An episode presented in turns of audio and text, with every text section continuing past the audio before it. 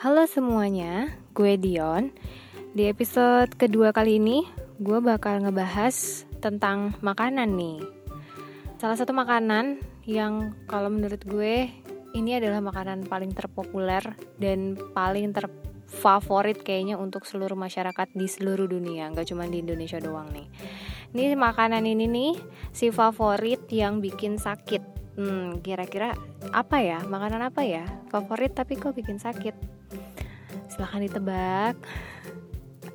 Apaan sih? Langsung aja nih mie instan. Mie instan. Hmm, dari denger. Namanya aja mie instan emang udah tahu ya. Pastilah. Ini bikin sakit tapi bikin lagi. Ya nggak sih? Karena ini adalah mie aduh udah deh mie instan itu favorit semua kalangan uh, manusia dari kalangan atas maupun kalangan bawah, anak kecil maupun orang dewasa itu udah pasti terfavorit banget. Tapi udah tahu juga dong meskipun terfavorit tapi mie instan ini bikin sakit, iya kan? Karena apa? Karena mie instan ini adalah ya jelas dong namanya aja instan, udah pasti banyak pengawetnya. Nah, uh, eh, gue bakalan bawain apa ya tema kali ini tuh cukup eh menarik lah mudah-mudahan. Seperti biasanya. Dan ngomong-ngomong soal instan nih kan yang instan ini bukan hanya minyak ya bumbunya juga kan itu dari bahan-bahan kimia ya. Lo tau lah salah satunya ada MSG monosodium glutamat. Nah itu juga bahaya tapi sebenarnya bahaya mana sih mie atau bumbunya? Gitu. Nah sebelumnya kita uh, bahas dulu nih kita harus cari tahu dulu nih si mie itu sendiri terbuatnya dari apa sih Nah ini gue bacain artikel dari Quora Xline Today. Kalau uh, di sini ada salah satu narasumber orang yang bekerja di perusahaan mie instan terbesar di dunia. Ini beliau mengatakan kalau blok mie itu dibuat dengan menggunakan bahan tepung terigu, air alkali dan air bersih. Nah, air alkali itu sendiri itu terbuat dari garam, riboflavin, guargum dan beberapa ingredients rahasia perusahaan. Nah ini gue emang nggak nyari tahu juga sih. ya mungkin bagi kalian yang anak-anak kimia tahu kali ya riboflavin dan guargum itu apa itu bisa dicari tahu sendiri ya. Jadi eh, intinya semua bahan itu diaduk jadi satu kayak buat adonan roti. Terus si adonannya itu dibuat lembaran, setelahnya ya dibuat lembaran, terus diuntai, terus habis itu dikukus, habis itu dipotong menjadi blok mie dan selanjutnya digoreng menggunakan minyak sawit. Nah, eh, pasti sering bertanya-tanya kan kenapa sih mie itu bisa awet lama gitu? Rata-rata 9 bulan sampai dengan satu tahun. Nah blok mie ini bisa awet karena dijaga humidity-nya cuy. Humidity itu kadar, kadar air ya yakni cuma 3,5% saja. Jadi semua makanan sebenarnya nih e, sebuah makanan ini bisa awet karena kadar airnya itu ditekan serendah mungkin coy. Jadi kayak kerupuk terus apalagi ya e, daun teh daun teh kering tuh ya. Pokoknya makanan-makanan yang awet itu itu sebenarnya di ditekan banget kadar airnya itu serendah mungkin. Ya ini cuma 3,5% aja gitu. Makanya dia bisa awet lama Nah terus e, gimana nih dengan bumbunya? Bumbunya juga bahaya nggak sih gitu kan?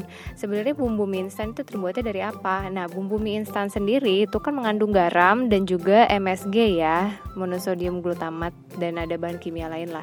Dan kalian tahu sendiri yang namanya garam kalau kebanyakan kan bisa memicu hipertensi alias darah tinggi.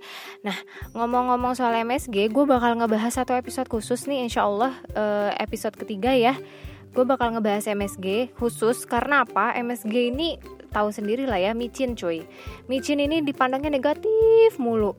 Jahat mulu jelek mulu. Perasaan kalau udah uh, micin itu uh, apa berkaitan erat dengan kebodohan gitu. Lu jangan banyak banyak makan micin lu bodoh lu sekolahnya. Lu lumpuh lu otaknya gitu kan. Pokoknya negatif mulu nih si micin nih. Sampai lahir generasi generasi micin kan. Aduh itu kreatif sebenarnya tapi uh, yang sebenarnya nih MSG ini memang benar-benar pro dan kontra. Jadi ada penelitian yang bilang uh, bahwa memang MSG ini buruk, tapi ada juga penelitian lagi yang mencengangkan kalau menurut gue. Karena pas gue baca hah? gitu bikin oh my god serius nih gitu.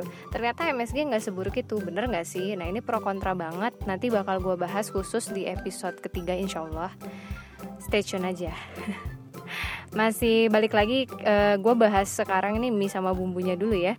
Jadi intinya lebih bahaya mana nih gitu kan? Mie-nya atau bumbunya? Jadi sebenarnya cuy itu nggak ada yang berbahaya ya. Makanan apa pun itu nggak ada yang berbahaya selama dikonsumsi secukupnya. Ya nggak sih? Logik kan gitu. Nah lu makan nasi putih aja nih apalagi nasi putih panas ya kan? Tiap hari kita makan sehari tiga kali. Belum yang porsinya banyak itu bisa enam kali delapan kali lah ya gue nggak tahu itu bisa memicu diabetes cuy. Apalagi kalau memang lu yang punya riwayat ya keturunan diabetes itu hati-hati banget. Nasi putih panas itu apa bisa memicu diabetes. Jadi juga lu makan wortel gitu kan. Niatnya nih lu makan wortel sekeranjang biar mata lu jernih. Yang ada malah belekan gitu kan. Enggak lah malah diare gitu. Terus lu makan jeruk sekarung bukannya sehat malah mencret gitu kan. Intinya jangan berlebihan aja sih gitu segala sesuatunya tapi yang jelas mie instan itu kan ada pengawetnya nih. Nah, dan itu yang menyebabkan mie itu susah dicerna oleh lambung, yang efeknya itu bisa bikin perut buncit gitu kan. Kenapa buncit? Karena memang nih ada penelitian tentang proses pencernaan antara mie instan dan mie buatan sendiri di dalam perut uh, si apa namanya orang yang di uh, teliti itu. Aduh, ribet banget gue ngomong jadi uh, di mana setelah mengkonsumsi mie instan selama 2 jam itu ternyata mie itu masih utuh cuy di dalam lambung lo. Dan lambung itu uh, kelihatan banget sangat bekerja keras untuk mencerna mie tersebut gitu. Jadi kan di lambung tuh ada asam lambung ya yang biasanya bikin makanan tuh cepet hancur. Nah, tapi si mie instan kalau mie instan itu setelah 2 jam masih utuh cuy, utuh banget. Nah ini berbeda dengan mie buatan sendiri yang memang nggak pakai pengawet dan dia benar-benar mudah dicerna di lambung. Jadi setelah dua jam makan emang udah hancur gitu. Nah dan selama si mie instan itu terjebak di dalam perut lo, di dalam perut kita kita nih yang makan mie instan selama proses pencernaan tersebut, mie itu juga mengeluarkan zat aditif yang bernama tertiary butyl hydroquinone atau TBHQ yang diserap oleh tubuh lo. Jadi si TBHQ ini merupakan ampas lepas dari hasil pengolahan petroleum dan biasanya dicantumkan dalam kemasan makanan itu sebagai antioksidan. Nah, kita ini kan kalau baca antioksidan, weh kesannya sehat ya cuy gitu. Tapi jangan senang dulu karena antioksidan di sini tuh bukan antioksidan alami, melainkan bahan kimia sintetis dengan kandungan antioksidan. Nah, bahan inilah yang membuat mie instan itu awet dan tahan lama. Nah, for your information nih, makanan tuh butuh waktu sekitar 6 sampai 8 jam untuk melewati lambung hingga hingga usus halus. Nah, setelah itu masuk ke usus besar untuk diserap semua zat gizinya. Nah, sisa-sisa makanan atau ampasnya itu baru yang kemudian dibuang melalui anus. Seluruh proses pencernaan tersebut setidaknya itu akan memakan waktu sekitar 24 sampai dengan 72 jam tergantung dari makanan apa yang lo makan dan seberapa cepat organ pencernaan lo itu bekerja cuy karena tiap orang itu berbeda-beda. Nah, terus ini juga ada penelitian nih, menurut penelitian dari Mayo Clinic, rata-rata proses pencernaan pria itu memakan waktu sekitar 33 jam dan wanita sekitar 47 jam. Hmm. By the way, on the way busway udah ngomongin soal makanan nih, ya kan? Si favorit yang bikin sakit. Uh, kesimpulannya sih tetap ya cuy hati-hati kalau makan. Jangan kebanyakan ya mie instan ini. Ya enggak sih? Ya dibikin seimbang aja lah. Empat sehat lima sempurna. Jangan sampai kayak orang-orang ini nih. Gue nemu artikel bagus banget. Jadi ada di berbagai belahan dunia ini ada orang-orang yang punya selera makan aneh. Jadi kayak cuma makan satu jenis makanan aja dan dan itu aneh-aneh banget langsung aja gue bacain yang pertama ini ada Tempest Henderson Tempest Henderson ini memiliki kebiasaan aneh yaitu mengkonsumsi sabun mandi dan sabun bubuk ya elah ia mengaku pertama kali merasakan nikmatnya sabun itu saat ia mencelupkan jarinya ke bubuk sabun kemudian menjilatnya. Sepenasaran apa Anda sampai itu sabun ya? Lu bayangin rinso kali ya, lu celupin lu jilat cuy. Ada Nah ini menurutnya sabun itu rasanya ada manis dan asin. Itu yang membuatnya tertarik untuk terus memakan sabun. Setelah itu Tempest mulai kecanduan dengan sabun. Ia bahkan mengkonsumsi 5 batang sabun dalam seminggu Menurut diagnosa dokter Tempest, uh, dia ini mengalami gangguan langka yang disebut pika, yang disebabkan oleh kekurangan mineral dan ditandai dengan nafsu terhadap zat-zat yang dimiliki oleh sabun. Hmm. Next ada Bao Yafu. Bagi kebanyakan orang, air kencing yang dikeluarkan tubuh manusia merupakan kotoran sehingga tidak bermanfaat. Aduh, kayaknya gue mau nerusin bacanya juga. Udah tau lah ya ini apa yang akan kita bahas ya si orang ini. Aduh. Tetapi tidak dengan warga Tiongkok yang bernama Bao Yafu. Air seni manusia adalah orang yang ma uh, aduh, kan gue sampai salah baca nih cuy. Karena gue gagal fokus lihat gambarnya. Ini ada gambarnya sumpah ya, ada gambarnya kakek-kakek lagi minum air seninya. Ya Tuhan, aduh. Jadi katanya air seni manusia itu adalah obat yang manjur untuk menyembuhkan berbagai macam penyakit. Bahkan penyakit parah seperti kanker. Masa sih? Aduh, hal itu dibuktikan Bau yang ber, yang kini berusia 82 tahun, kek. Ya ampun, kek.